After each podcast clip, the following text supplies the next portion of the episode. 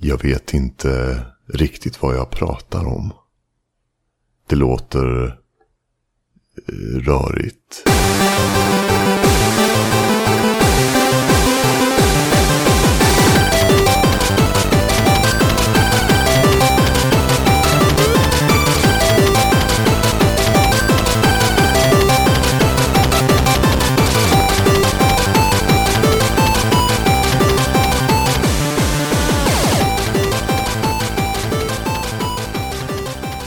Hej kära lyssnare.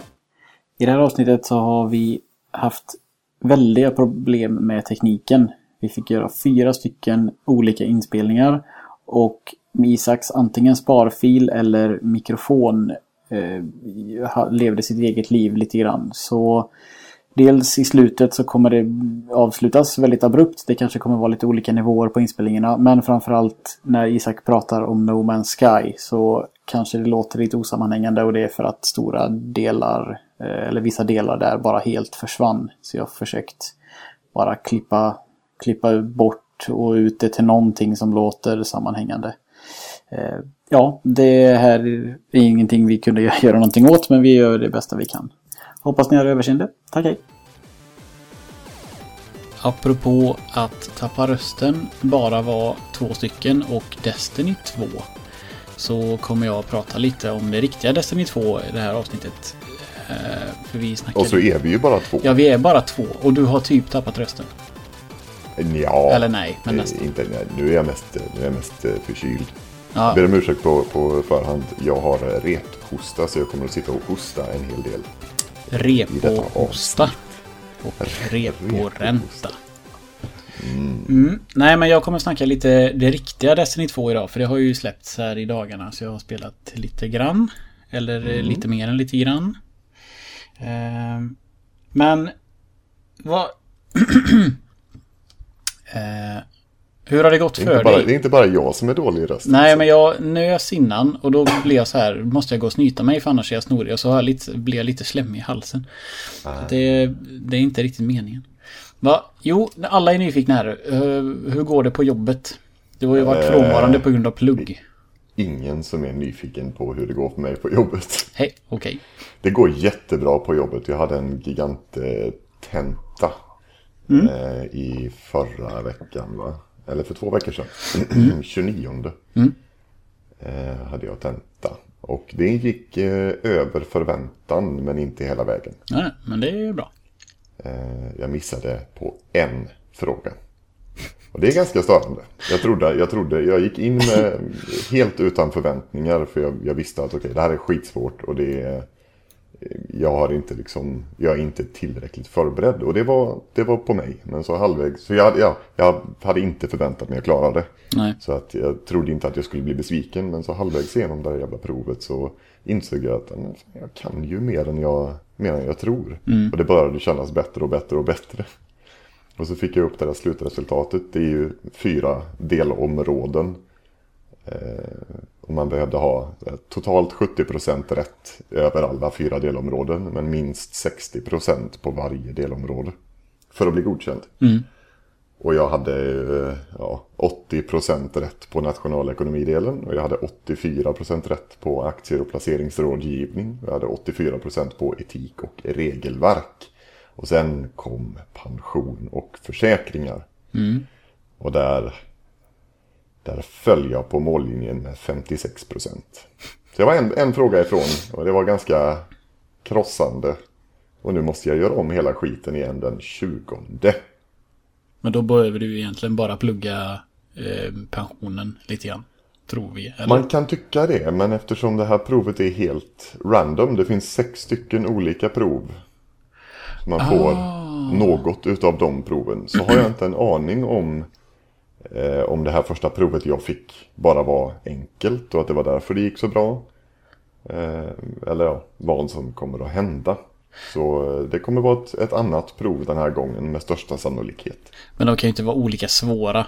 Det kan väl i så fall vara att du har råkat... De frågorna du fick har råkat sätta sig. Av allt Ja, du så, har läst. så kan det Alternativt så har jag gissat rätt. Alla frågor, alltså det är 120 frågor och utav de 120 frågorna så är 120 frågor kuggfrågor. Okej. Allting, det är verkligen det. De, de gör oh. allt för att man ska misslyckas. Finns det någon eh, procent på liksom eh, vilka, hur många som klarar det för första gången? Eh, genomsnittet är 2,6 försök. Okej. Okay. Eh, enligt, enligt statistiken. Mm. Så eh, det är, inte, det är inte hela världen att jag inte klarar det på första försöket. Jag har folk i, min, i mitt arbetslag som ska skriva för tredje gången nu. Ja.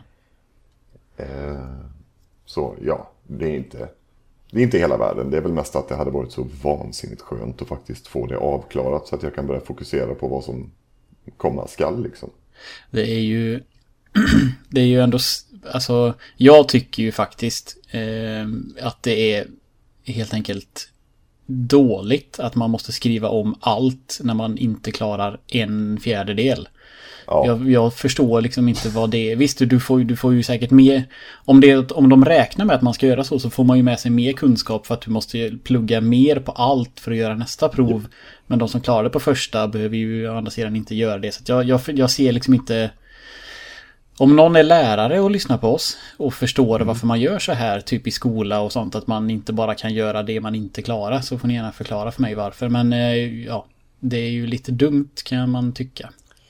Ja, det, jag, jag ser en poäng med att eh, man ska se till att ha all, all, all kunskap liksom. Och, och det, två av delområdena. Jag trodde nationalekonomin var det jag egentligen var mest orolig för. Mm.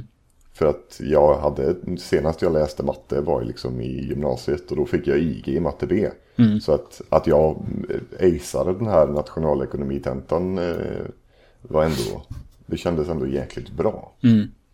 Eh, men jag borde ju tagit en, en extra dag där eh, med att plöja i lite mer pension och försäkringar. Det är ju det absolut största området. Det mm. absolut mm. bredaste eh, området. Men eh, ja, det, det, blir vad det blir. Vi skriver igen den 20 och har förhoppningsvis lite gladare eh, besked efter det. Yes.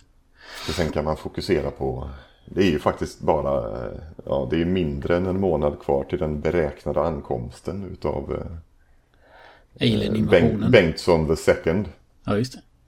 Mm. Um, ja. Det ska bli spännande. För oss andra ja, också. Se ja, hur det... det... det ska bli kul. Ja. Men. Men. Men nu, har vi lite, nu har vi lite spel att prata om. Mm. För de som Nej. undrar eh, bara lite snabbt här varför vi inte pratar om Final Fantasy idag. Så är det helt enkelt för att jag och Bob missförstod varandra om när vi skulle spela in. Eh, när vi pratade om när vi skulle spela in så så i mitt huvud så pratade jag om kommande vecka och för han så tänkte han på veckan efter det. Så när jag började fråga så här när, liksom, när kan du spela in den här veckan? Då förstod inte han mm. vad jag menar.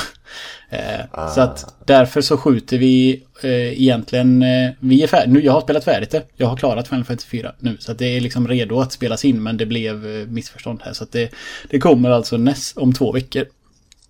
Eh, det tar ju ändå lite tid att spela in och redigera och fixa och dona. Så att det... Jo, jo, men jag, i och med att jag är hemma så hade jag ju... Jag tänkte ju att jag hinner ju med det ändå. Mm. Eh, om vi spelar in så att jag har liksom lite tajt om tid så i och med att jag är sjukskriven så har jag tid med det ändå. Men eh, mm. eh, han hade liksom, det var aldrig aktuellt för honom med den veckan ändå. Så att det är bara, ja, ingen hade fel, bara att vi inte pratar om samma vecka.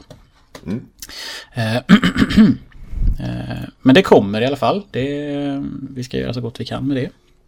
Gör det. Ska vi, va, ska vi ta vad, kommentarer? Vi, vi, brukar glömma dem annars. Eller är det lätt? Ja, men vi kan, vi kan börja. Vi kan plöja igenom kommentarerna först. Mm. Vill, du, vill du ta... Vill du ta en så tar jag en.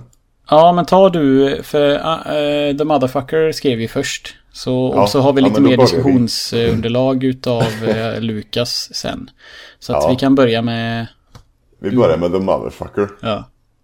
André, eh, självtitulerad, André The Motherfucker Israelsson eh, skriver eh, angående vårt förra apropå. Mm. Eh, alla drömmer väl att få vara Batman någon gång. Eller Wolverine, Spiderman och så vidare.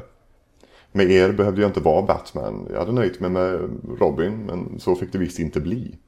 Som Robin gnäller man lite, men ser mellan fingrarna. Nu när jag inte blev en Robin får jag väl göra som alla andra som inte får vara med. Som inte får vara med de snälla. Äh? Nu när jag inte blev en Robin får jag väl göra som alla andra som inte får, får vara med de snälla. Får helt enkelt satsa på Two-Face eller Magneto. Eller varför inte The Motherfucker. Batman, ja det är ju eh, The Motherfucker är från Kickass va? Ja. Är det? Är du säker? Är ja, det är tämligen säker. Ka eh, Caroline? Kickass 2. Finns det någon som heter The Motherfucker i Kickass eller Kickass 2? Ja, det är ju, det är ju the, Nemesis. I tvåan? Ja.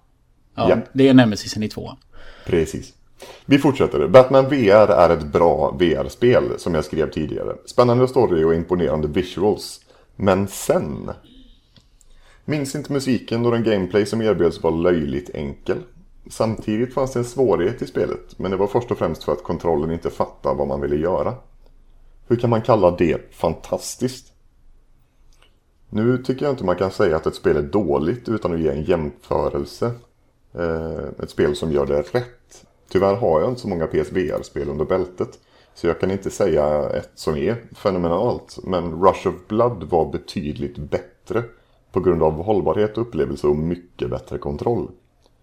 Tror det kommer komma ett Batman VR i framtiden som kommer göra det mer rätt. Men detta Batman VR är på sin höjd en trailer till vad som komma skall. Vet att ni inte håller med mig men förklara då vad det är som ni tycker Batman VR gör så bra. Där får vi stanna. Eh. Ja, vi måste stanna där. Okej. Okay. Batman VR var bara ett, ett demo. Det var, en, det var ju verkligen en försmak. Det var ju inte ett, ett fullspel. Nej. Det var ju verkligen bara ett titta, titta vad stora muskler vi har. Mm. Och det var ju precis det. När det släpptes så var det i jämförelse med allt annat som släpptes i samband med det. Mm. Så var ju det ljusår bättre. Mm. Det var väl lite, låg väl lite jämsides med The Heist, hette det va? Ja, London Heist. London Heist. Eh, de gjorde ju lite samma grej. Ja. Korta spel för att visa upp hur ett framtida fullängdsspel skulle kunna komma att fungera och se ut. Ja. Men jämfört med allt annat som, som släpptes så, eh, så var Batman VR ja, klart bäst. Uh, men, men det var ju inte ett, ett spel, det var en trailer eller demo. Jag vill ju, jag vill ju hävda att ska man hitta alla sådana här Riddler Challenges gåtor som finns överallt så mm. får du ut mycket dubbelt så lång livslängd, vilket egentligen inte säger mer än två, tre timmar kanske. Mm. Totalt. Men de var kluriga som fan. Eh, och sen eh, och för övrigt så är Batman och VR Worlds är fortfarande två av de liksom bästa showcaserna om man vill visa VR för någon så håller de mm. för, för, alltså väldigt bra kvalitet fortfarande. Ja. Från, alltså, Eh, med tanke på att det släpps så mycket små grejer som inte är så jättebra. Eh, mm. Och så om man då räknar bort eh, Farpoint som ändå är, det är ju lite så här en nivå upp kanske om man bara ska visa någon ett spel. Mm. Men jag tror att när André, äh, när The Motherfucker fick testa Batman så hade den VRen han gjorde det måste ha haft en dålig dag. För Batman är ett av de spelen som kontrollen görs absolut bäst. Tycker jag. Ja. Hur du rör dig och när du kollar, liksom, när du kollar i spegeln hur den här eh, när man eh, får, när man får spola den här eh, och titta, oh, vad heter det här? Ja, Ja, när man, ska, när man ska lista ut vad det är som har hänt. Ja, precis. Hur den ja. fungerar och liksom när du bara vrider kontrollen. Och... Ja, det var sjukt häftig mekanik. Ja. Men det var ju just det de visade upp. Dels, det, alltså de visade upp en, det var en teknisk demo. De visade upp hur kontrollen Alltså hur man kan använda kontrollen på olika sätt. Ja. Och de förpackade det i en grymt snygg miljö jämfört med tidigare. Eller jämfört med, med liksom eh, andra spel eller demos som släpptes samtidigt. Ja, ja. Eh, men det är som du säger, det är ju verkligen en showcase. Men... De, de visar upp eh, ja, hur de skulle göra. Men samtidigt är det mer spel än vad till exempel London Heist är. För du har ju frihet att göra vad du vill här. Du kan ju kasta mm. batarangs på måltavlor och du kan ju titta liksom på de här vad heter det, figurerna av karaktärer som man och stoppa i band i och grejer och blod mm. och allt vad det nu är. Mm, mm. Plus nu vet det förbannade slutet. Ja, det är ju också, det har ingenting med kontroll att göra. Det är ju bara ett Nej. väldigt, väldigt coolt, liksom läskigt berättar, eh, alltså ja. spel, spel. Alltså där var det ju... Väldigt välgjort. Ja. Så först, jag tror ja, eh, alla alltså, så, så att, jo, upplever det likadant eh, första gången i princip. Vi håller med dig. Men, Om man inte vet vad som ska hända. Vi, vi, alltså, jag håller med om att Batman VR på sin höjd är en trailer till vad som komma skall. Det håller jag med till 100% om. Mm. Och det var ju det som var syftet med det också. Förväntar man sig, förväntar man sig ett helt spel eh, så nej, då är det klart att det inte är så fantastiskt. Men, men det gjorde man ju inte. Man får ju titta på prislappen också. 199 mm. kan det säkert kostat på den tiden. Nu kostar det ju 150 typ. Då får mm. man inte förvänta sig ett, ett helt långt spel heller. Om inte det, när det inte är rea liksom. Men med tanke på att det släpptes i stort sett vid launchen. Ja. Så det, var in, det släpptes inga fullängdspel då som var någonting att ha. Utan de flesta spelen som släpptes var ju just Alltså demos mer eller mindre. Ja, Eve Valkyrie tror jag kom. Men det är ja. ju ingen story i det. Det är ju bara PVP. Precis. Så att det räknas. Det, alltså det är ju ett riktigt spel. Det är ju ett väldigt bra, mm. stort, påkostat riktigt spel. Men det har ju ingen mm. ja, längd på det viset. Om man ska Nej. räkna som Batman skulle kunna haft. Nej. Jag hoppas verkligen att de eh, släpper eh, att vi får en sån. Det behöver inte nödvändigtvis vara Batman. Men jag, den typen av berättande som Batman VR gjorde. Mm. Det, det vill jag ha. Man får tycka som the motherfucker. Men det, jag, jag har upplevt att min VR bara inte vill vissa dagar. Den, mm. den liksom kontrollerna flänger fram och tillbaka och trots att jag mörklägger och startar om och håller på. Så att den har, den har dåliga stunder och mm. den har jävligt eh, bra stunder för det mesta. Mm. Det kan vara om man tycker att kontrollen är dålig eller att det var något som inte stämde så är det nog eh, inte Batmans fel. Nej. Men eh, ja, tråkigt ändå. Det vi, ja. alltså, alla upplevelser man har som är fantastiska är ju bättre för oss än vad de är för de som tyckte de var dåliga. Så det är ju bara tråkigt att han inte gillar det egentligen. Mm. Ja, vi, mm. Eh, vi fortsätter kommentaren. Mm Angående missat uppläst svar har ni båda rätt och fel. Det var två kommentarer varav, varav den ena lästes upp men svaret på Best Story lästes inte upp. Okej. Okay. Vi nog snoka rätt på det. Men eh, som en villain kan man inte sluta vara lite grinig. Då tar vi upp en liten fråga som uppstår i avsnittet om Baldur's Gate Dark Alliance som stört mig lite men jag har inte hunnit kommentera. Han är lite bitter idag, motherfucker. Ja. Två timmar och 45 minuter in tycker ni inte att man kan jämföra spelet med andra spel, exempelvis Diablo 3, på grund av åldersskillnaden. Det är väl ändå precis vad som ska göras. Ställa upp alla spel emot varandra för att få, för att få ut de 1001 bästa spelen. Ska vi pausa och diskutera? Eh, han har, jag, jag har tänkt på det här. Mm. Och jag kan ju faktiskt inte komma på någonting annat. Jag kan inte komma på ett motargument för han har rätt. Det är ju precis det vi gör. Gammel mm. skit som inte håller, det kastar vi bort. Så då får man ju faktiskt lov att jämföra med nya spel. Eh. Fast vi gör, gör vi det? Alltså jag, jag tycker inte att vi, vi... Vi kastar inte bort gammal skit för att det är gammalt. Vi kastar bort det för att det är skit. Ja, jo. Eh, så...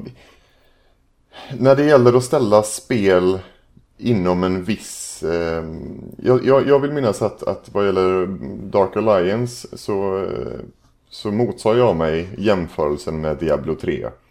Eh, just för att, eh, jag ska försöka formulera det på ett vettigt sätt. Men jag tycker inte riktigt att man kan ställa dem emot varandra. Om, om man får sådär, eh, vilket är det bästa liksom hack and slash eh, spelet? Så, så är det jävligt, jävligt svårt att jämföra de två. För att det, det, är typ självklart att Diablo 3 kommer att vara bättre. Det har mycket bättre mekanik. Det är mycket snyggare. Har, du kan göra mer. Och det har längre liksom spel och livslängd än vad Baldur's Gate hade. Mm. Men, men eh, jag tycker att man ska ta in, när man jämför spel så tycker jag att man ska ha med eh, åldersskillnad och, och förutsättningar. Alltså förutsättningarna som fanns vid utvecklingen eller vid releasen av det spelet. Man ska ha med det i beräkningen. Så jag tycker inte att man kan jämföra rätt av. Bara sätta spel mot spel utan att ha med ålder och förutsättningarna för releasen eh, i beräkningen. Nej. Så till viss del håller jag med honom och till viss del eh, inte alls. eh, det var jävligt diplomatiskt eller något. Ja, eller hur? Eh, nej, det... Det är, det är en väldigt svår fråga. Eh, Mm. Och...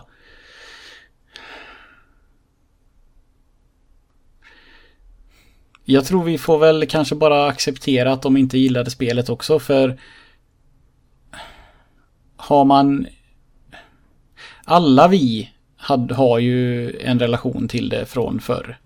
Mm. Och då är det ju faktiskt, vad man än säger, så är det ju helt omöjligt att bedöma det korrekt.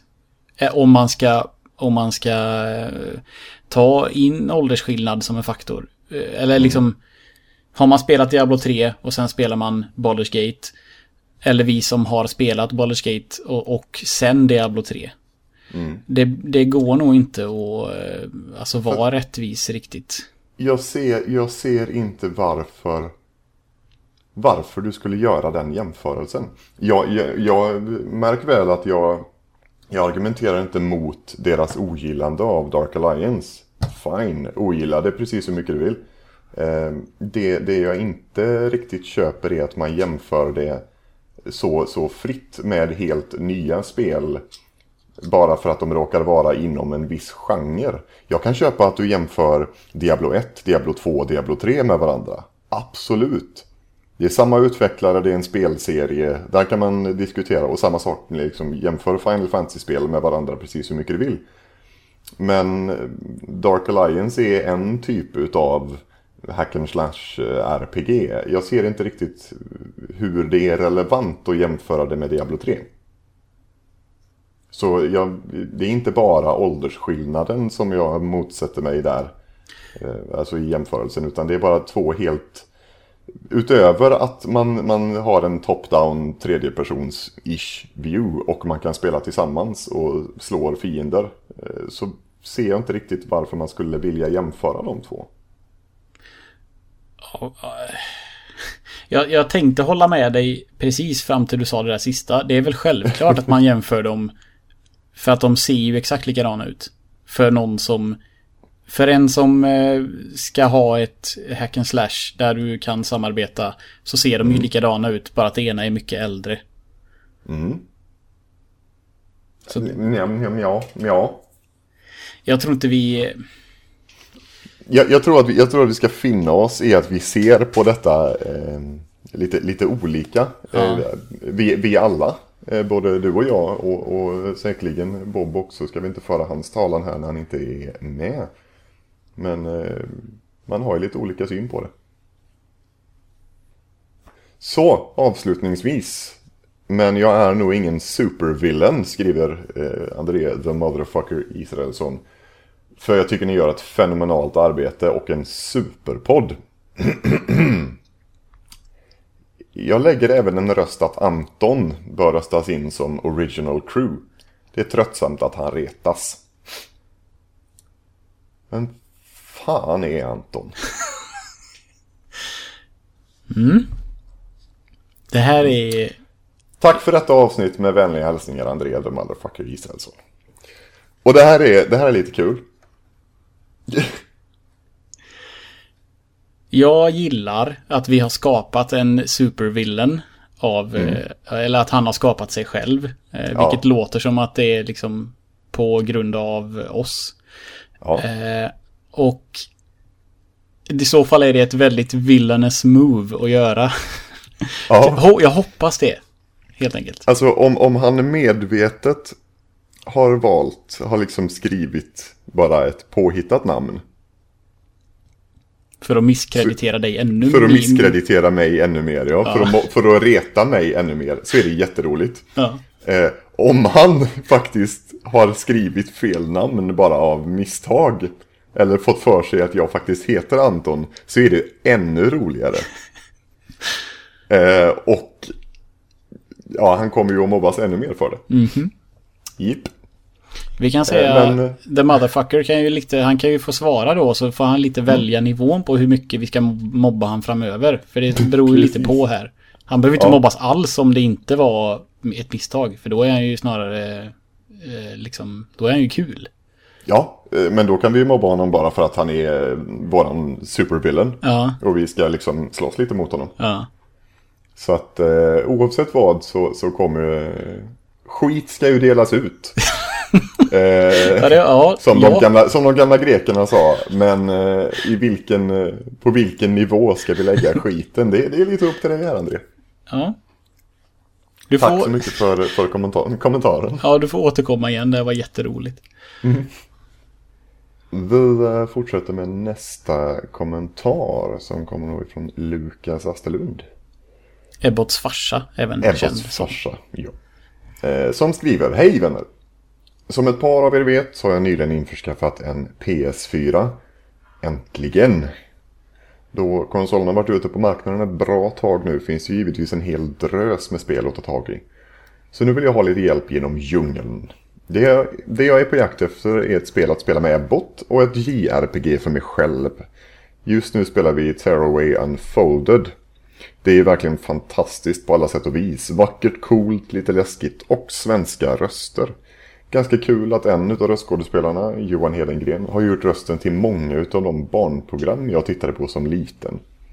Men som sagt, ett familjespel och ett JRPG är jag ute efter och det vore ju toppen om de dessutom låg i reabacken. Tack för en fantastisk podd. Kram.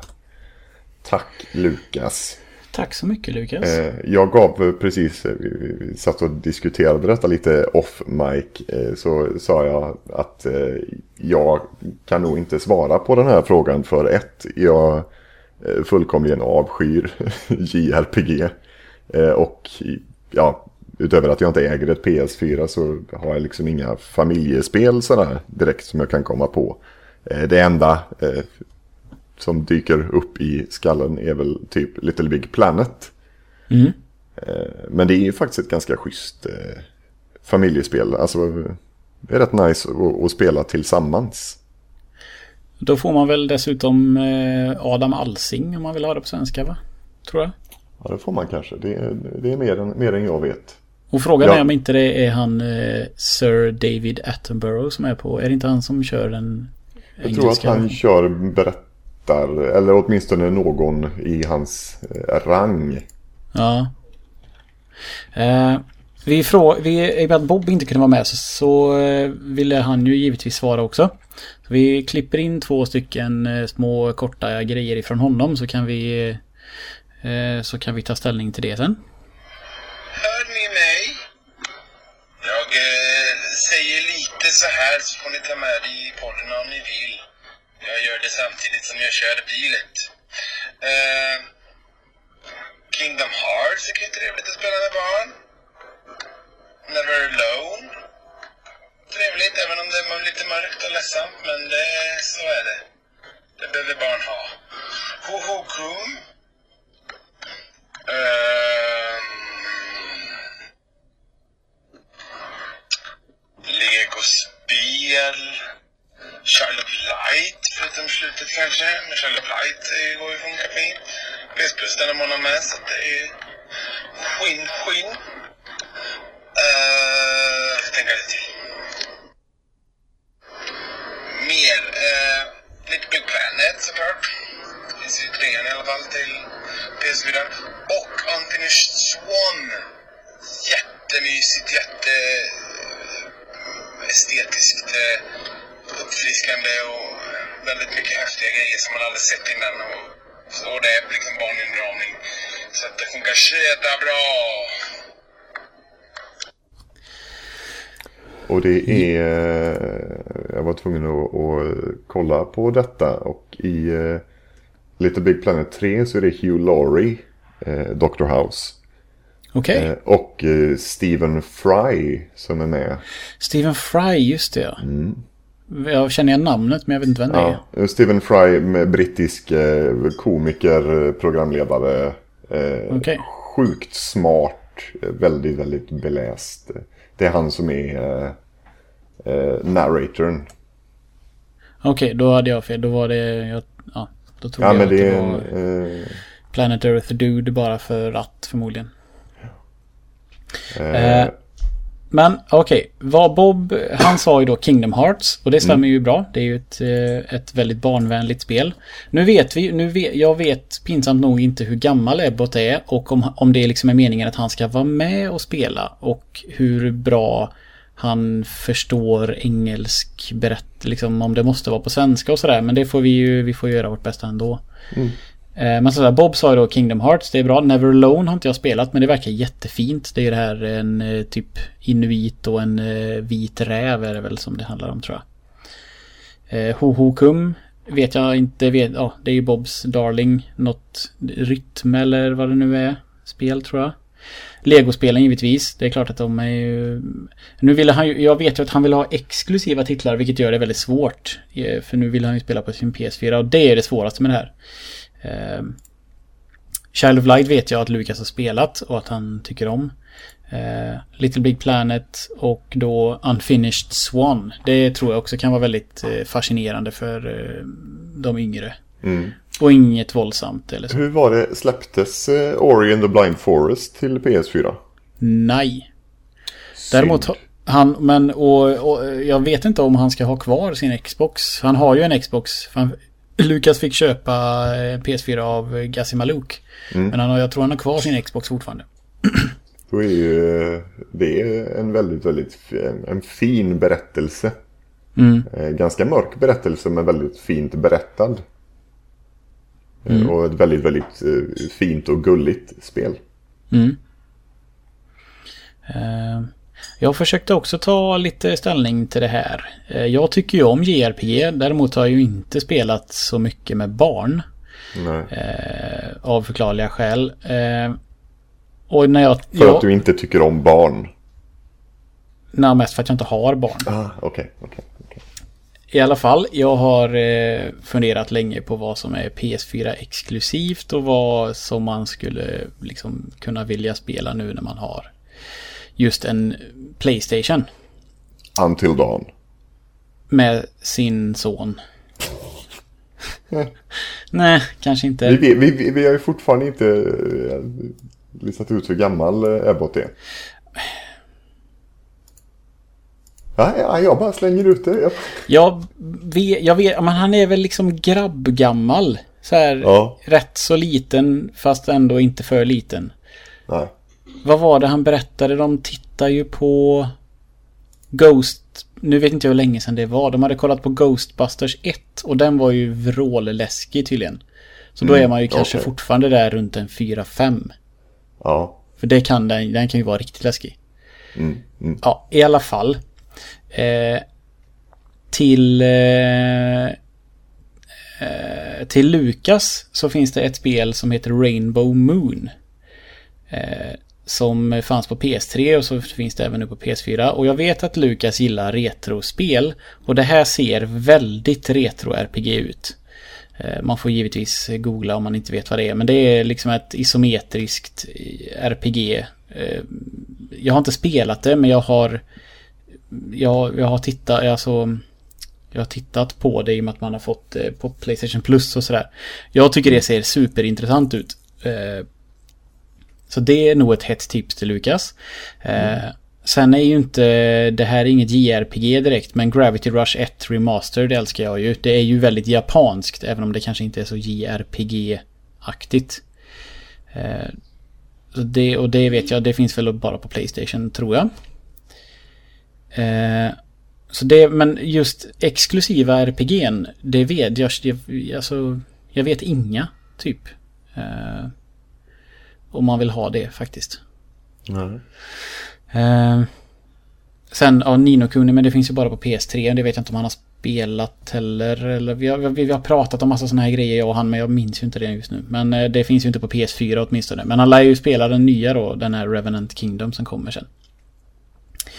Eh, och sen till de två tillsammans då. Eh, just nu finns det en kategori på Playstation Store som är typ under 46 kronor. Där hittade jag lite grejer. Dels Tembo the Badass Elephant. Kostar 29 spänn. Det tror jag kan vara väldigt roligt för en, eh, ett barn. Det är ju en eh, cartoony eh, en elefant med typ en sån här Rambo-bandana. Och så är det ju en sån här platt, retroplattform du springer rakt fram och ska samla. Det känns lite, lite Donkey Kong Country över det, tycker jag. Eh, det kanske skulle passa honom då som gillar retro och hans son för att det är en kul karaktär. Eh, min sambo Caroline har spelat ett spel som också ligger i samma kategori där runt en, eh, ja, under, under 50 spänn då. Stories Path of Destiny. Där spelar man en räv som också så här plattformsspel fast lite snett ovanifrån. Som liknar väldigt, jag tycker det, grafiken liknar Breath of the Wild lite grann. Eh, men det är ju liksom spel med djur och lite sådär fantasy och lite rollspel så. Det är ju ingenting som grabben kan spela och ingenting de kan spela ihop men Men eh, det ser liksom barnvänligt ut. Eh, mm. Och det Caroline sa också att det var liksom ingen läskig Inget läskigt blodigt eller sådär. Jag känner ju att jag måste nämna Unravel. Ja, det tror jag han har kört. Okay, okay, Men ja, det är ju ett givet, verkligen jätte jätterekommendation. Ja. Eh, och sen har fortfarande jag... Inte, fortfarande inte kört det. Oj, nej men oj, nej. oj. Ja, jag vet. Varför har vi inte... Ja, jag tänkte varför har vi inte tagit tag i det, men yearwalk. Så att eh, det är mycket vi inte gör. ja. Yearwalk ska han inte spela med Ebbot. Det nej. kan jag säga. Men eh, den sista som jag försökte när jag satt och verkligen tänkte ut vad jag skulle vad jag skulle göra. Om Ebbot är så pass att han kan liksom hoppa och slå. Så skulle jag, att man kan, om han kan hand, styra handkontroll så pass bra eller om han om något år när han kan det. Trine. Mm. Ja. Det är ju samarbetsspel. Den som är den som är riddaren behöver egentligen bara hoppa och slå.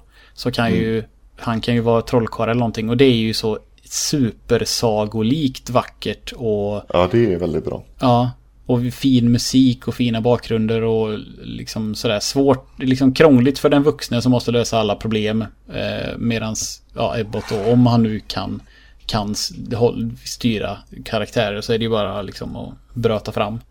Mm. För, jag vet inte, eller om han spelar det själv, men det är ju det är också ganska billigt på Playstation och jag, de har ju sådana här, fått, också fått typ sådana här enhanced eller vad det nu heter, editions på PS, eh, på PS4 som man kan eh, köpa. Ja, du har det är både ettan och tvåan finns väl? Ja, det finns en trea också. Så det finns en bundle okay. med alla tre eller så kan du köpa tvåan eller ettan separat. Mm. Det är en stark rekommendation. Det är ju ett, Trine är ett av mina favoritspel någonsin. eh, och så fantastiskt fin musik med. Mm. Eh, Nej, men som, jag tror nog eh, kolla på den här kategorin eh, på Playstation Store, Lukas. Eh, för Rainbow Moon, det tror jag verkligen du skulle gilla. Det ser väldigt JRPG ut. Mm. Men ja, det var det. det kul kommentar. Det jag, mm. det, som sagt, nu var det inte dina kategorier av spel riktigt, men jag tyckte det var jätteroligt att sitta och forska lite i så här vad man skulle kunna rekommendera till någon. Mm. Absolut. Eh, på, det eh, var, det, det var, var kommentarerna va? Ja. Eh, Gött. Innan vi, vi har ju ett varsitt spel vi ska prata om lite grann. Mm. Innan dess så vill jag bara... jag såg idag att den här... en sida som jag följer med ett gäng snubbar som håller på med spel som heter Easy Allies. Jag har säkert nämnt den förut. De la upp en preview idag på South Park. Alltså den Fracture But Whole. Det är nog inte långt kvar till det släpps eftersom att de har lagt upp en preview känns det som. Nej, Men, det släpps den 17 oktober. Ja. Jag, jag trodde att det var försenat till nästa år. Hade jag fått för mig. Nej, nej, nej. Den 17 oktober släpps det. Så jag blev... Nya, nya säsongen börjar nästa onsdag den 13. Okej. Eh, och sen släpps spelet den 17 oktober. Och så en och en halv månad kvar. Jag blev jätteglad i alla fall. Nu kommer jag ju inte ha liksom, det är för mycket andra spel nu så jag kanske tar det när det lite, har gått ner någon hundring eh, så. Eller när jag och Caroline känner att vi kan spela det tillsammans. Men eh, jättekul att det, att det snart är här.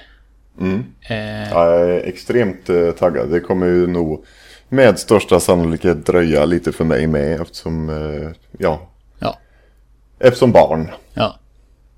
Så får vi se eh, hur mycket tid och hur mycket tid och hur mycket lust jag kommer ha att- spela de nästkommande månaderna. Men eh, det, det går- är väldigt svårt att förutse lite vad som kommer att hända.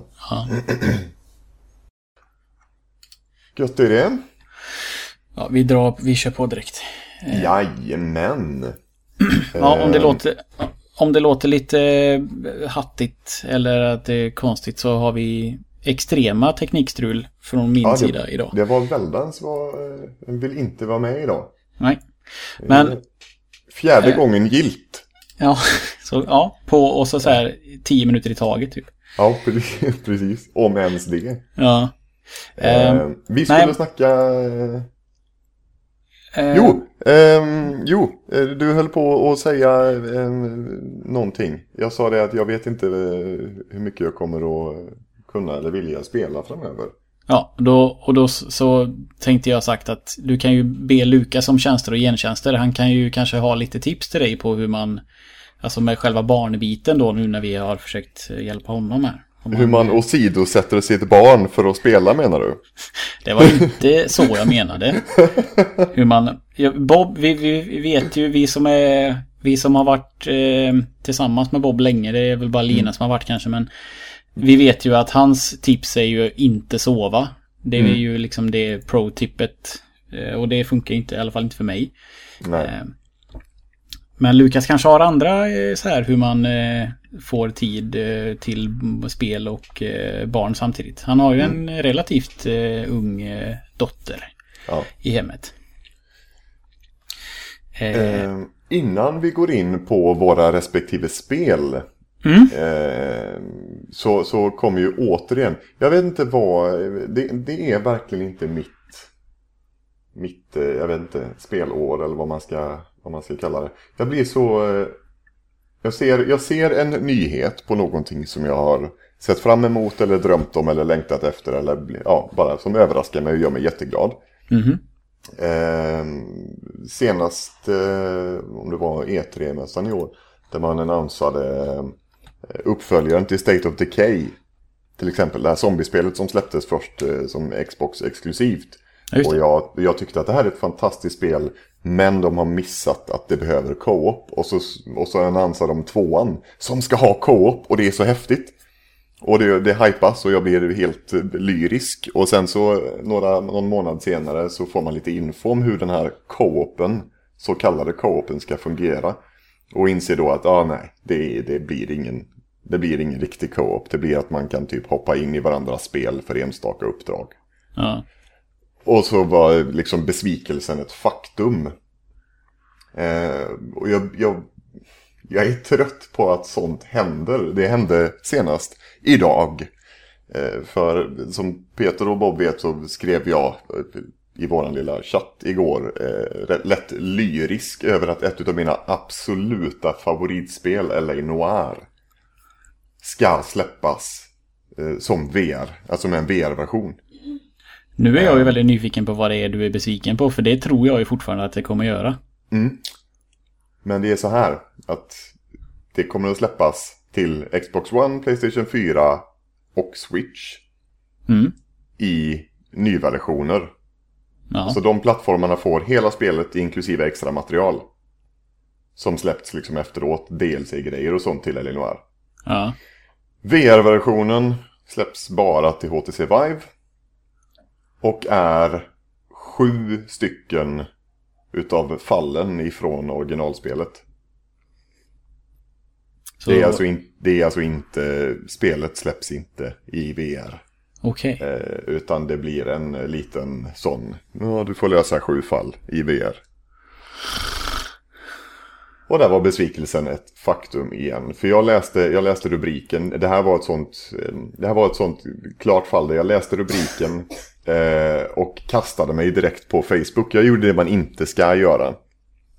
Eh, då, dålig, dålig källkritik och dålig koll från min sida. Mm. Eh, För jag blev jätteexalterad. Jag läste PS4 och VR. Och då tänkte det kommer släppas eh, till PSVR och det är det häftigaste någonsin. Eh, Om det, om det är någonting som skulle få mig eh, att faktiskt eh, bränna en, en eh, månadslön på, på spel så är det om Renoir faktiskt släpptes till PSVR. Mm. På riktigt, på riktigt liksom. Då hade, då hade jag kastat mig över det. Men nu blev det tyvärr inte så igen. Ja, då kan jag ju skita i det. Annars hade det ju varit det enda sättet att få mig att spela Lenoir tror jag. Mm. Eh, Det är om det hade varit VR. Mm. Men eh, nej. Ja, vad fan var... Jag, jag trodde att det skulle vara en sån där... eh, Eller det var ju lite så.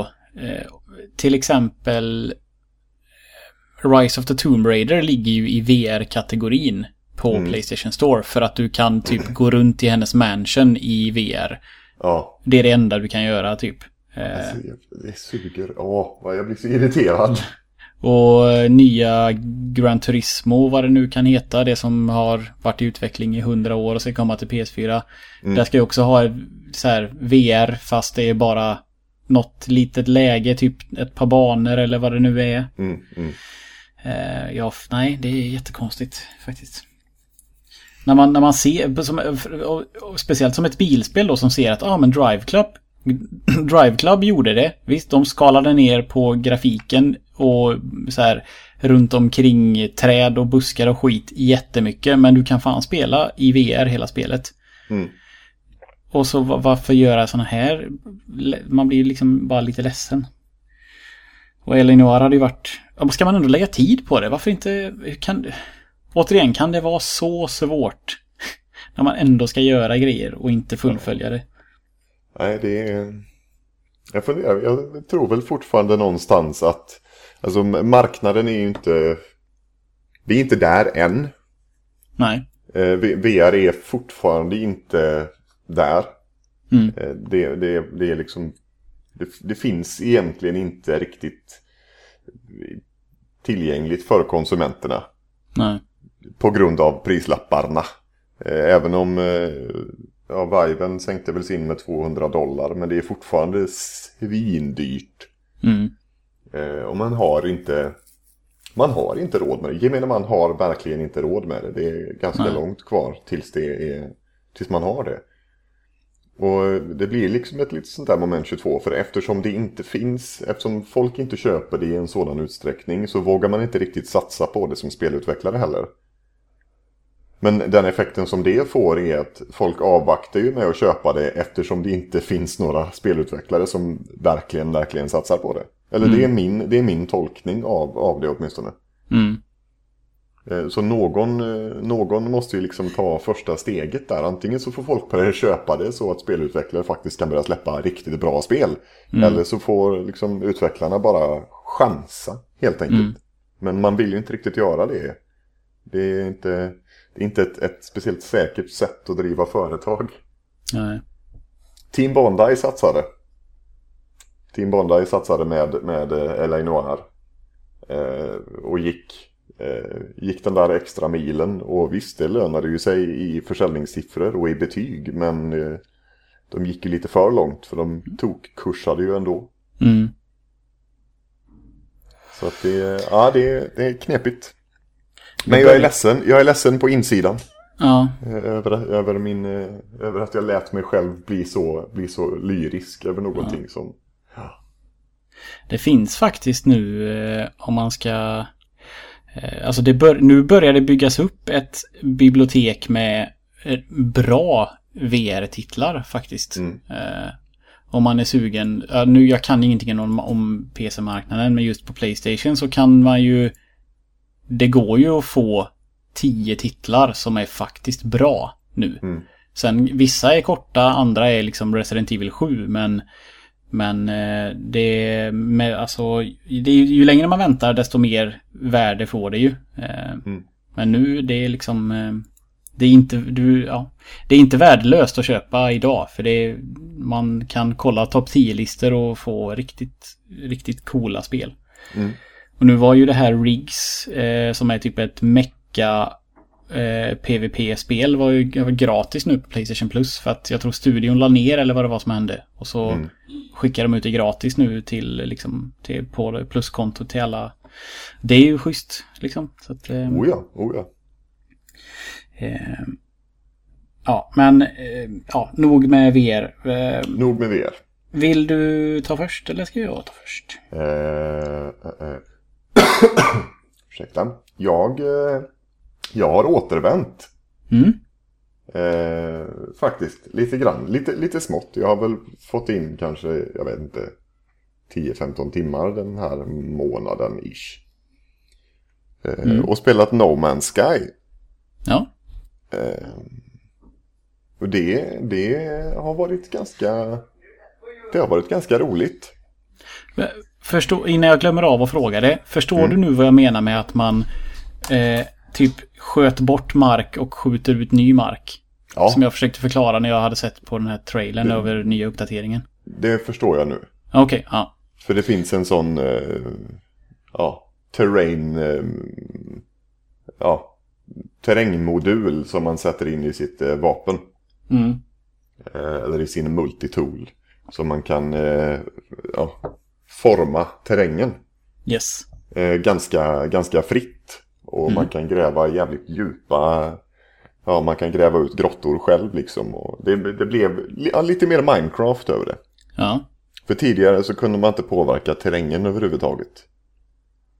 Eh, annat än liksom eh, man kunde mina vissa grejer, man kunde mina stenar och sånt. Men marken var fortfarande, eh, ja, kunde man inte röra överhuvudtaget. Nej. Eh, men det kan man nu. Mm.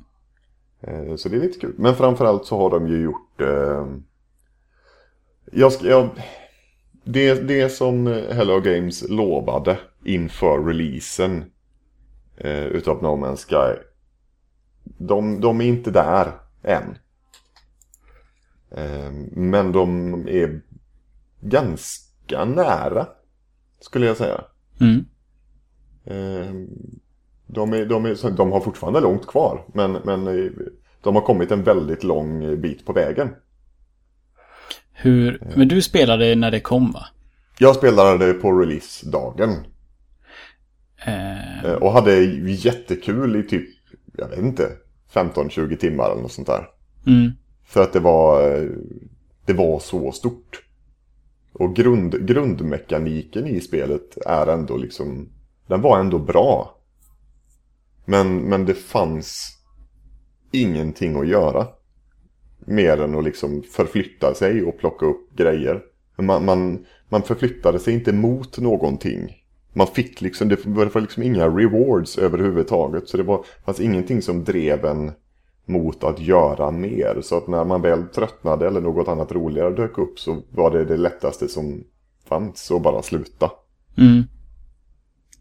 Eh, nu har de lagt in en, eh, en ganska ordentlig mängd objectives, alltså saker, saker att göra. Framförallt så har de implementerat basbyggande och det gör ju mig extremt upphetsad. Vad kan du göra med basen sen då? Har du den till någonting? Ja, alltså du, du bygger du bygger ju liksom du bygger din bas och du eh, kan bygga in speciella typ arbetsbänkar i den här en liten science-modul kan man bygga. Typ som i Fallout. En bänk för vardera grej. Ja, typ, typ så. Men för att kunna få ut någonting av den bänken så måste du anställa någon som sköter den. Mhm. Det finns tre, tre olika raser i, i eh, No Man's Sky-universat. Gek som är små, typ ödleliknande grejer. Eh, Vyken som är typ stora warrior-typer. Och eh, Korvax som är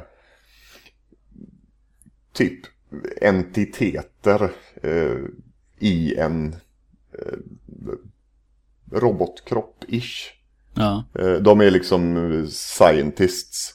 Mm. Ehm, och och varje ras har liksom på sätt och vis sin egen ekonomi. Och sina egna specialiteter. Så för att köpa, för att köpa blueprints och sådana grejer till sin bas så ska man snacka med en geck. Och då behöver man ta sig till ett universa eller till, ett, till liksom en galax som domineras utav geck. Och för att köpa blueprints och moduler till sitt vapen så behöver man ta sig till en som styrs utav Vyken. Eh, och för att köpa ja, upp, upgrades till sin rustning så behöver man ta sig till ett Korvax-universa. Mm. Eh, så att man har, man har helt plötsligt ett syfte med att eh, utforska lite grann. Och Mm. så fort man anställer någon eh, till sin liksom, workbench så får man uppdrag utav den eh, personen. Så då blir det ganska mycket, ganska mycket åka, åka ut och hitta detta, forma detta. Tar man uppdrag utav eh, Vyken-snubben så är det ganska mycket eh, jaga pirater.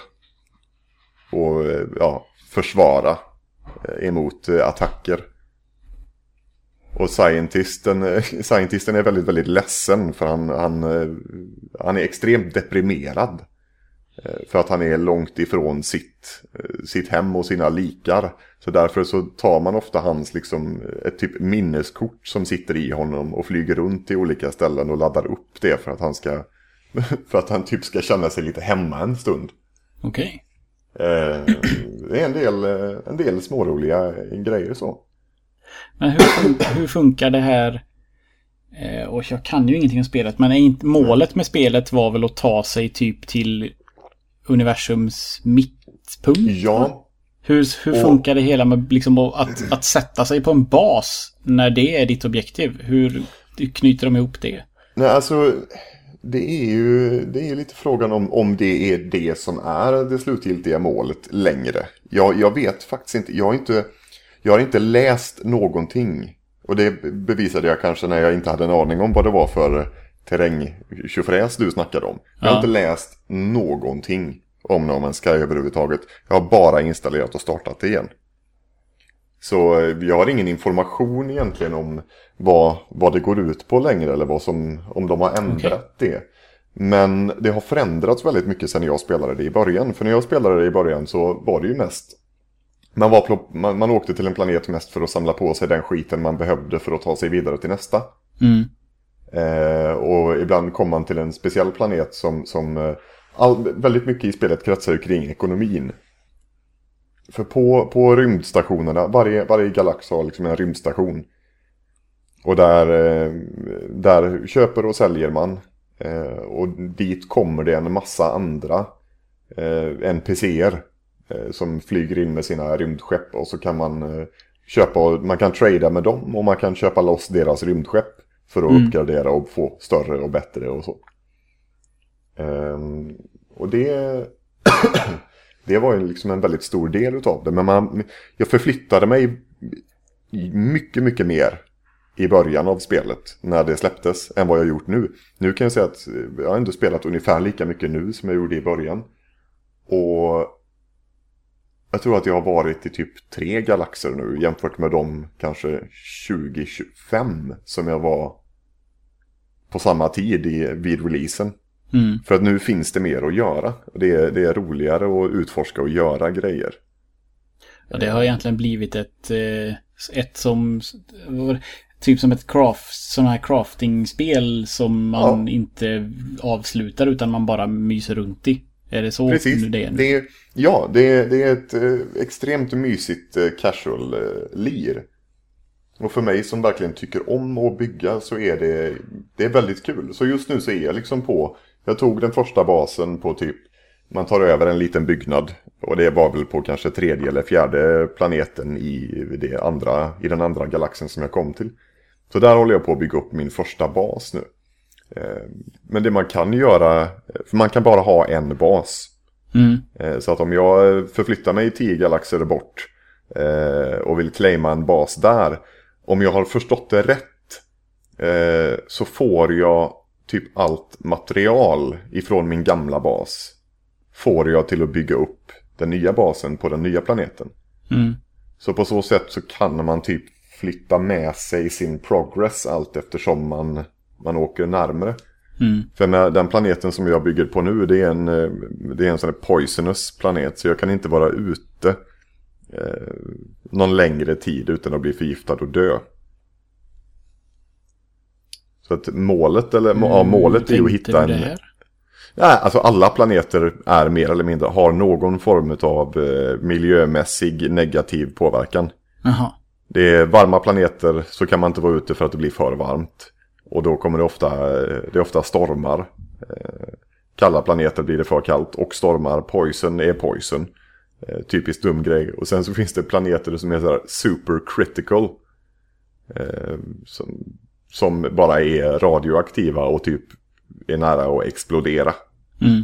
Och då mår man skit bara man typ tittar ut genom fönstret. Så de undviker man gärna. Men där finns ofta väldigt bra grejer att hämta. Det Okej. Allting handlar om, eller mycket, mycket bygger liksom på ekonomin i det. Eh, Det är mycket, mycket köpa och sälja. Farma bra grejer, farma rätt grejer.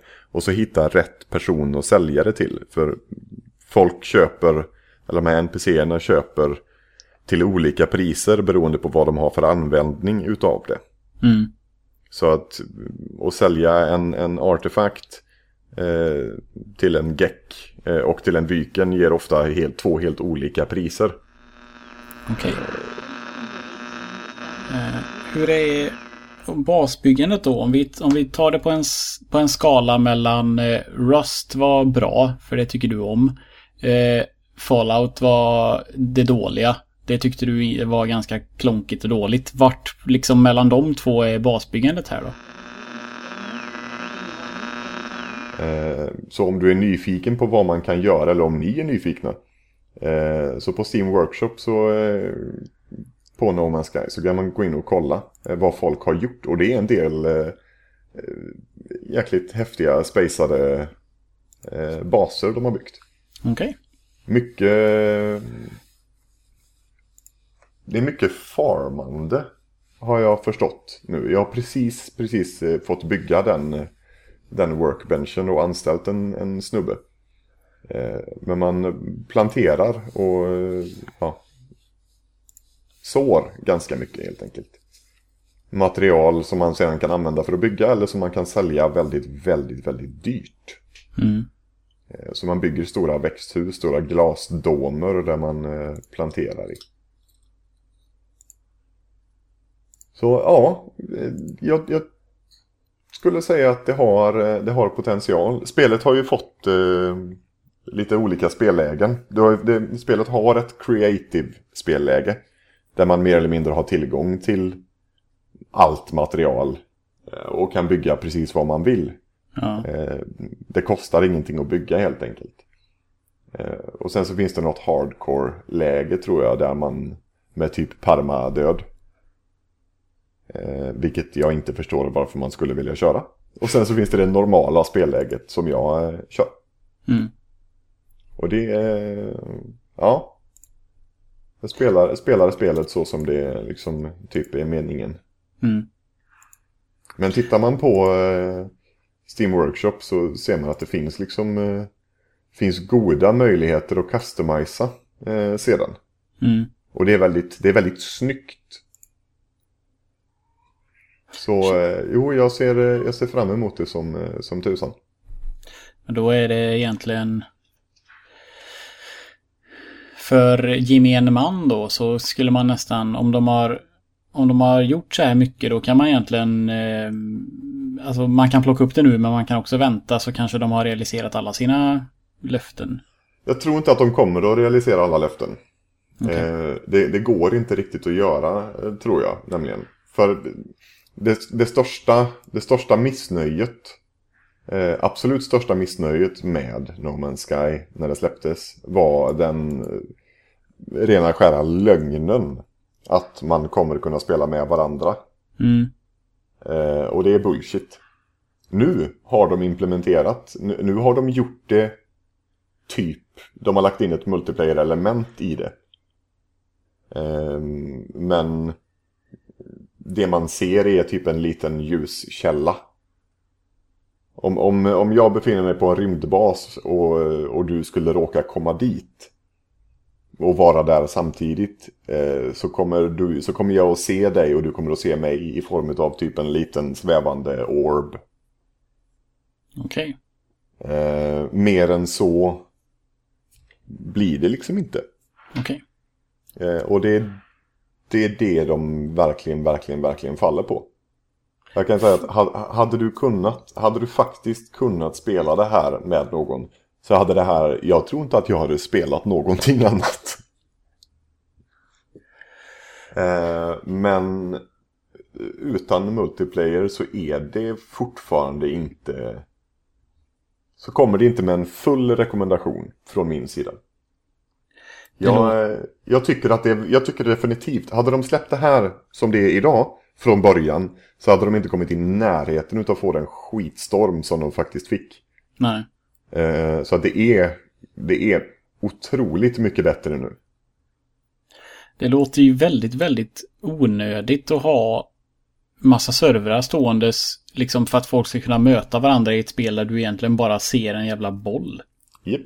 Varför inte bara cut, eh, liksom klippa kabeln och bara nej men nu, nu, är, nu har vi gjort basbyggande och grejer. Nu är det liksom ett story, story eller, eller crafting-drivet offline-spel. Punkt. Mm. Men det är ju för att man vill inte ha det här som ett... Det här, spelarna vill inte att detta ska vara ett single player-spel. Ja, men då måste de ju lägga in någon annan multiplayer-aspekt sen då, eller? Ja. För det här är ju bara, det är ju liksom egentligen bara, det är ju bara värdelöst som det är nu om det inte finns någonting annat att göra. De skriver, eller på Wikin så står det att in its current stage No Man's Sky is a single player game with multiplayer meta elements. Okej. Eh, man kan eh, mer eller mindre sådär. Du kan ju döpa om eh, planeter. Eh, och du kan döpa om så Du researchar ju när du kommer till en planet. Som du upptäcker. Vilket du gör med typ alla planeter du kommer till. Eftersom det finns sjukt många. Eh, så eh, kan man ju då döper man ju om och så undersöker man vad finns det för fauna, vad finns det för flora, djur, plantor och allting sånt kan du ju scanna och ladda upp på en stor liksom, typ databas. Och så kan du göra det med hela liksom, stjärnsystem. Eh, och om du laddar upp detta så kommer andra spelare kunna se, om de kommer till samma solsystem, så kommer de kunna se att det var jag som laddade upp och döpte det där djuret till exempel. Och då kan ingen annan döpa om det utan då är det Nej. i världen det det är. Yes. Så det Så finns det, är, väldigt... det är liksom multiplayer-meta-biten än så länge. Okej. Men Så det är många... egentligen bara, discovery-biten är, ja. Så om, om de fortsätter med det här, alltså om det, om det är det man kan göra som andra kan ta del av, till slut så kommer du, kommer hela universum vara bara så här eh, Cockface Planet, eh, Bajskorvsbjörn 1. ja det skulle eh, kunna vara så ja. Ja, Folk kan döpa det till vad fan som helst. okej. Ja, ja, ja nej, det- jag är fortfarande väldigt begeistrad av eh, No Man's Sky. Jag, jag, jag eh, fascineras av det rymdiga med det. Mm. Eh, men jag, det, jag, ja, det, jag, Tydligen- jag skulle tydligen vilja spela någon gång men jag kan nog säga att jag kommer aldrig göra det tror jag. Nej, alltså vi, vi, vi, om vi gör så här att vi faktiskt spikar en dag då vi kör Yearwalk Mm. hemma hos dig. Så kan vi, efter det så kan vi dra hem till mig och så kan vi köra lite No Man's Sky. Mm. Så får du se lite och testa lite. Ja, jag ska avsluta det här avsnittet med lite Destiny 2.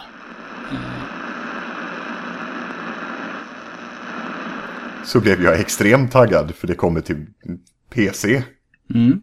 Så min, min, min Blizzard Launcher nu, där eh, alla andra, där WoW och, och Overwatch och Starcraft och alla de här andra titlarna syns. Så finns det nog också ett litet fönster där det står eh, Destiny 2. Mm. Och det, ja. Men det har inte släppts till PC än. Nej, det dröjde några veckor eller vad det var. Mm. Ehm, Men... Och det eh, kommer såklart inte vara cross-platform ändå, så det är skitsamma. Ja, tyvärr. Eft- Eftersom Sony vägrar att, att leka, leka tillsammans i sandlådan. Ja. Det är lite tråkigt. Man hade ju Mm. lätt kunnat köra PV med varandra utan vidare. Ja, det hade ju varit så jäkla roligt va? Men eh, det är i alla fall ett eh, roligt spel. Det, det känns väldigt mycket Destiny. Eh, eh, och ehm, vad heter det? Ehm, jag har lika roligt. Jag, ko- jag, kommer inte, jag kommer anstränga mig för att inte spela så mycket som jag spelar ettan. Men eh, för det var ju för mycket timmar man la ner på saker som i slutändan liksom inte spelade så stor roll. De här jävla, man sprang i cirklar och letade blommor och grejer och det var ju verkligen jättetråkigt. Eh, men i tvåan nu så jag hoppas att de har tagit bort lite sådana grejer. Men det känns så här, det känns jävla gött igen och köra. Jag har spelat jättemycket PVP, jag tycker ju det är superkul. Och så här till en början när många nya, många är nya på spelet, kanske inte har kört första och så här, då får man ju briljera i PVP med. Det blir ju svårare och svårare ju längre tiden går, så jag passar på att köra nu i början här för att jag kan vara bäst i laget många gånger. Och det känns så jävla gött. Ehm, men eh, det, det, en av de finaste grejerna med, med Destiny 2 nu, det var eh, innan man startar spelet. Nu kommer det en sån här liten, eh, vad ska man säga, eh, du har ju inte kört spelet innan så för dig, det, det påverkar inte dig. Men för alla som har spelat det på Playstation och inte och ja, 30 sekunder här nu så kommer en, eh, eller en minut säger vi, så kommer en liten, liten spoilig sak som är väldigt, väldigt fin. Så eh, spola fram en minut om inte ni vill höra det. Men när man, när man startar spelet så får man se minnen från vilka raids och vilka uppdrag och story, vilka man har kört med. Eh, så att när man, den kommer ju ihåg sparfilen så jag fick upp en så här eh, du klarade storyn tillsammans med de här, tre, de här två personerna som var liksom våra nick och så eh, Eh, vad heter den, Vault of Glass. När ni klarar den så här raiden så står, står det en liten text och så en jättefin eh, så här artsy bild och så våra namn så här. Så man bara åh fy fan vad fint vad... Ja... Jätte, jätte... Man blir verkligen... Det, in, att tårögd är ett alldeles för starkt ord. Men det var verkligen så här... Åh jösses vad fint. Vad, jag gjorde det med dem, just det. Ja lite så. Och så fick man behålla sin, eh, alltså utseendet på min karaktär. När jag startade, när jag startade upp det så stod det liksom eh, Warlock och så level 1 då för man börjar ju om. Men jag ser ut som jag gjorde i första spelet så jag fortsätter på min karaktär eh, ut, ja, endast utseendemässigt liksom. Ja. Mm. Vad är det för olika klasser? Vad, hur, hur funkar det liksom? De är faktiskt bättre nu också. Eh, Och jag har förstått saker om första spelet som också var skillnader mellan klasserna som jag har förstått nu, men som jag inte förstod då. Mm. Eh, Så det är dessutom ännu bättre. Men du har Warlock, Titan och eh, Hunter. Eh, Titan är ju typ en... Jag, jag vill inte säga tank, för de är inte en tank, men de är den liksom... Bastanta klassen. Och så har du Hunter som är den smidiga klassen. Och så har du Warlock som är den... Eh, vad ska man kalla det då? Eh, magiklassen. Och också väldigt, väldigt lätt på orden här får du ta mig. Eh, och det som är skillnaden med dem är ju att de har... Man kan ju hoppa och glidhoppa. Eh, Du har ju liksom ett hopp och ett dubbelhopp och så kan du sväva i luften lite grann. Hunters har ju mycket bättre mobilitet i luften till exempel. Alla som har spelat en Hunter-karaktär och går och testar någon annan tycker att det känns som liksom jättetrögt och tungt att röra sig. Eh, och Titan, och så nu har man också, så det är liksom en skillnad som fanns även i ettan. Warlock till exempel, eh, man har ju subklasser på varje karaktär så du kan ha tre olika superattacker om man säger. Med varje karaktär. Eh, och Warlock har ju en förmåga där man kan teleportera sig istället för att sväva. Och jag tror inte att någon annan klass har den. Jag tror det är bara jag som kan liksom eh, blinka, om man säger så. Ja. Eh, och sen så nu i tvåan så är det även nytt att man har en, eh, en, eh, en alternativ förmåga som är unik för din, för din respektive klass. Eh, inte din subklass utan din hela klass. Och det är Warlock har att de kan sätta ut ett, ett fält på backen som antingen healar eller boostar damage. Mm. Eh, Titan har typ en vägg, en eh, genomskinlig vägg man kan sätta upp som, eh, ja, som man kan huka sig bakom och liksom ta skydd och skjuta. Och Hunters har en typ dodge-funktion som, ja, som de kan liksom komma, undkomma skada med. Mm. Så nu blir ju PVP, när man kör competitive i PVP, så är det ju oftast att du ska, du har typ en livpool och när den är slut så kan, liksom, respawnar man inte. Eller att eh, man ska planta en eh, bomb och så ska man försvara den respektive så att du har två bomb, bombsites och försvara och attackera. Eh, eller att man ska till exempel eh, när jag dör så droppar jag en orb. Och om, om andra laget plockar upp den så får de en poäng. Men om, vi, om min medspelare står nära mig och kan ta upp den eh, så, får, så nollas det liksom. Ja. Så du, kills räknas inte alls. Du ska bara döda och plocka upp. Så att man kan ju inte springa med huv huvudet rätt in. För dödar du fienden och så står det tre bakom han. Då får inte jag den poängen men de tar min poäng liksom. Så Ja. det är väldigt mycket mer teamplay i, i competitive än vad jag är van vid. Det här fanns på slutet men jag körde ju mest Vanilla Destiny. Ja. Eh, Men de här nya förmågorna gör ju då att du som lag Titan sätter upp sin vägg, jag lägger upp en healing en liksom healing eh, som en bubbla som man kan stå bakom och kötta, liksom försvara och, och så kan Huntern springa ut och typ flanka och så har han sin sån här mobilitet. Så det är mycket, mycket roligare.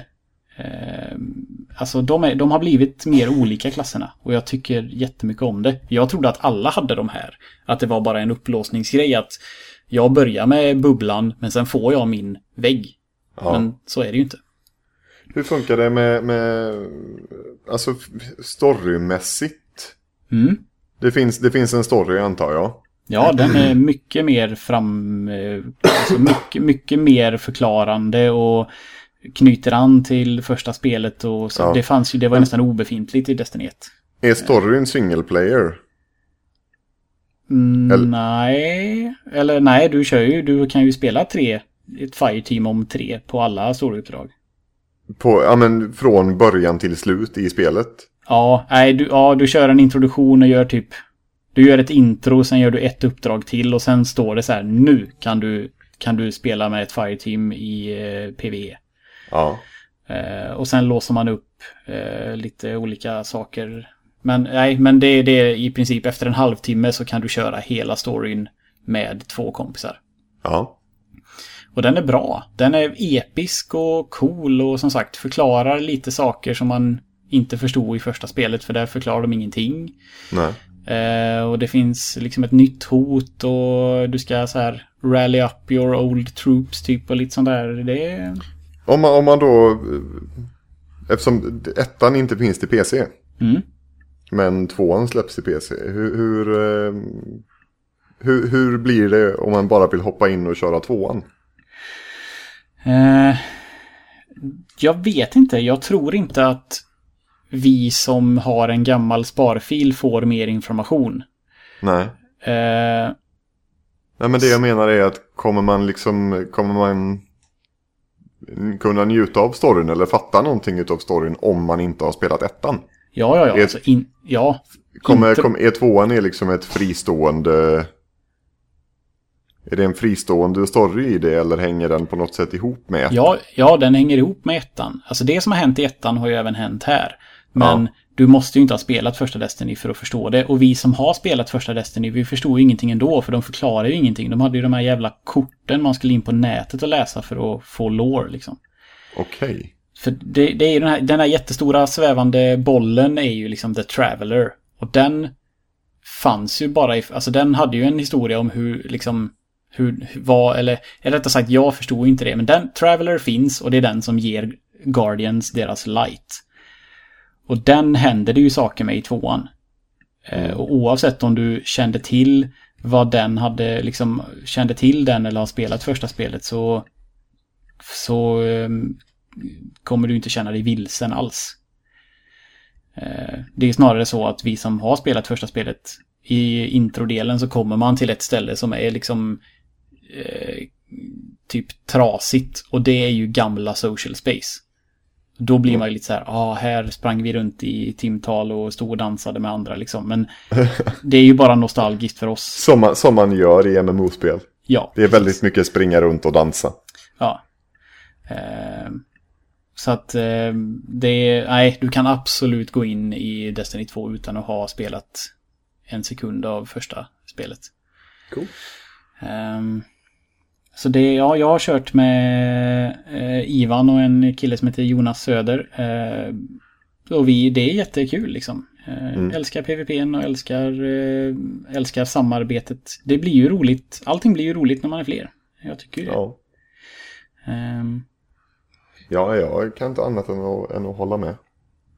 Men eh, vi får väl se. De har gjort om lite grejer. Hur saker funkar. Man är färre i PVP, vilket jag så här, det spelar inte så stor roll, men jag förstår inte riktigt varför de har gjort det. Um, hur många de är man på raids? Jag tror sex stycken, det var man ju i förra också. De har inte släppt någon raid än, för de har inte... Den släpps efter två veckor tror jag. Mm. Um, och de har ju inte så här, vad ska man säga, light level var det ju förut, att man skulle levla upp sina, sina, sin gear. Du blev max level och sen så var det din utrustning som gjorde hur bra du var. Nu är det fortfarande samma, bara att det heter typ power eller defense eller vad det heter. Mm. Eh, men det, det, har varit väldigt så här, du får, man, hela tiden får man nya grejer så man känner sig bättre och de har ju, ja, de har lagat mycket av det som var trasigt om man säger så. Det är ett jätte, jättebra spel. Nice.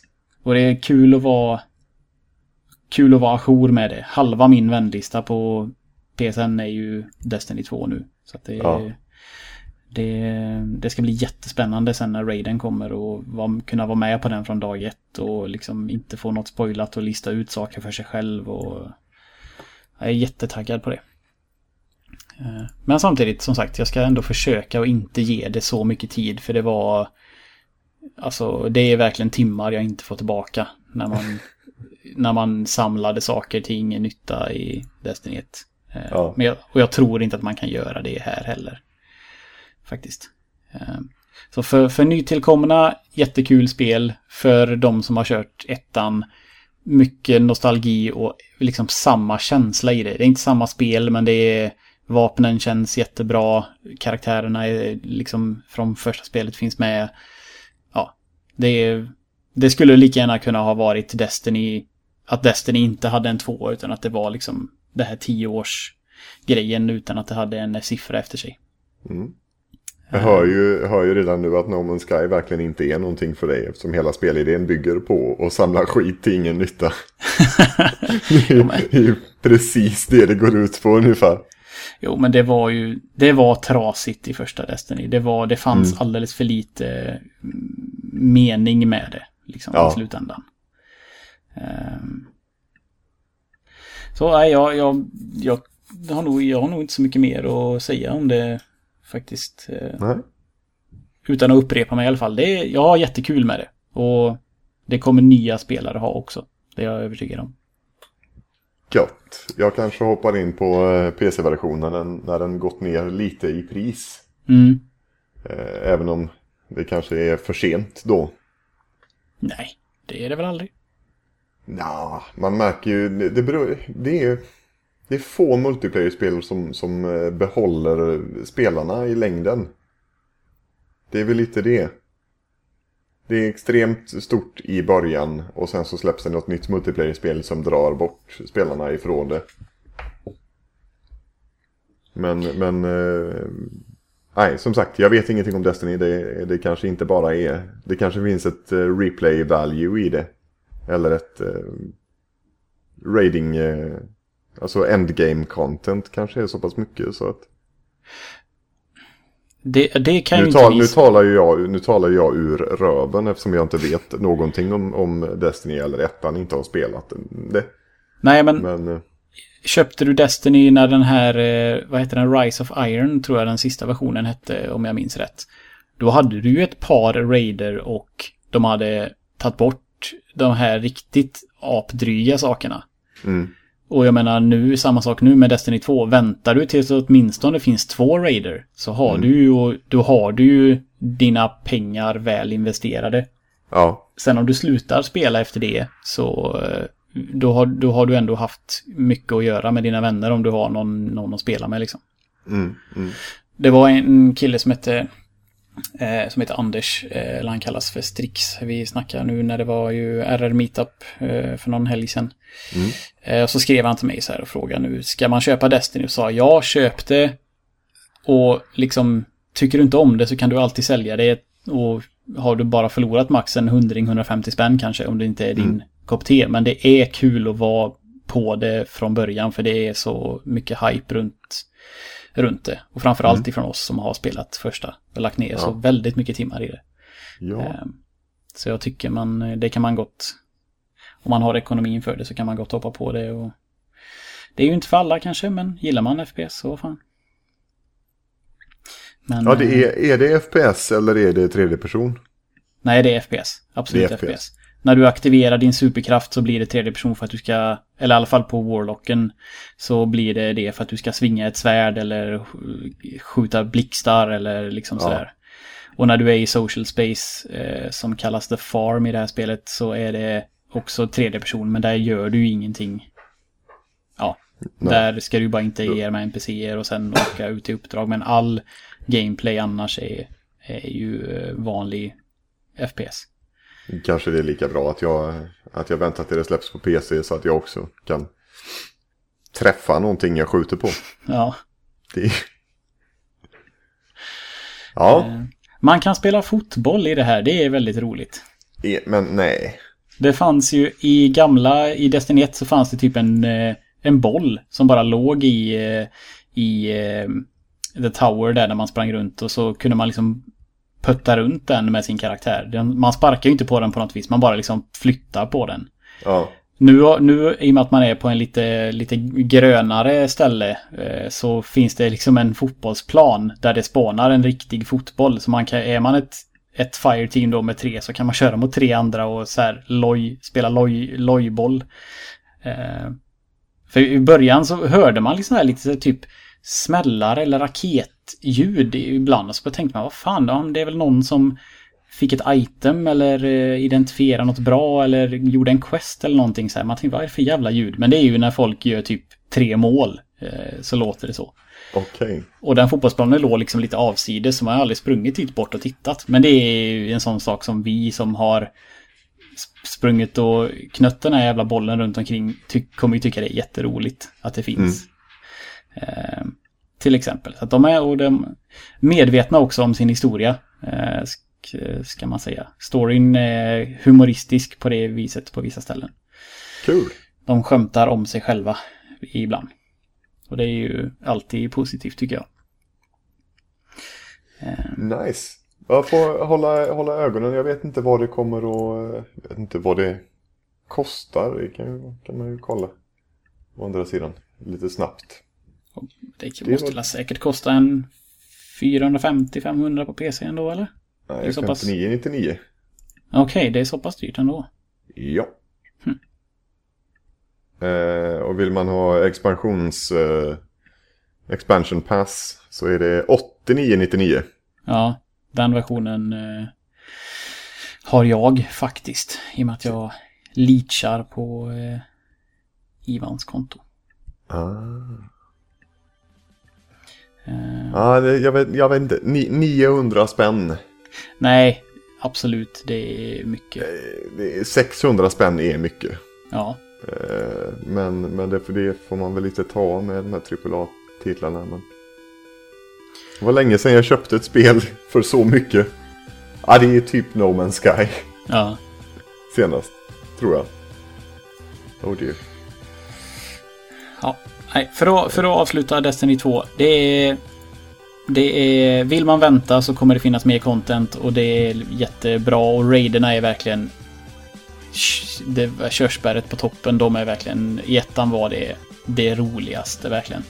Eh, så vill man vänta så tror jag det kommer vara värt det. Och vill man hoppa på det så är det också värt det. Det är ett väldigt bra spel, tycker jag. Mm. Punkt. Cool.